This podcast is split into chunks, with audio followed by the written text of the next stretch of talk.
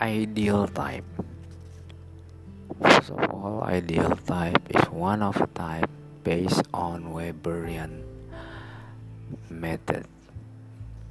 In reality, ideal type is just in a sense of human mind because the truth of all we have the ideal type but we will never have it because in this world there is no perfect type at all.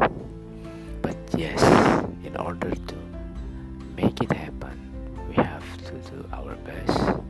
So at least we can try to achieve not the perfect ideal type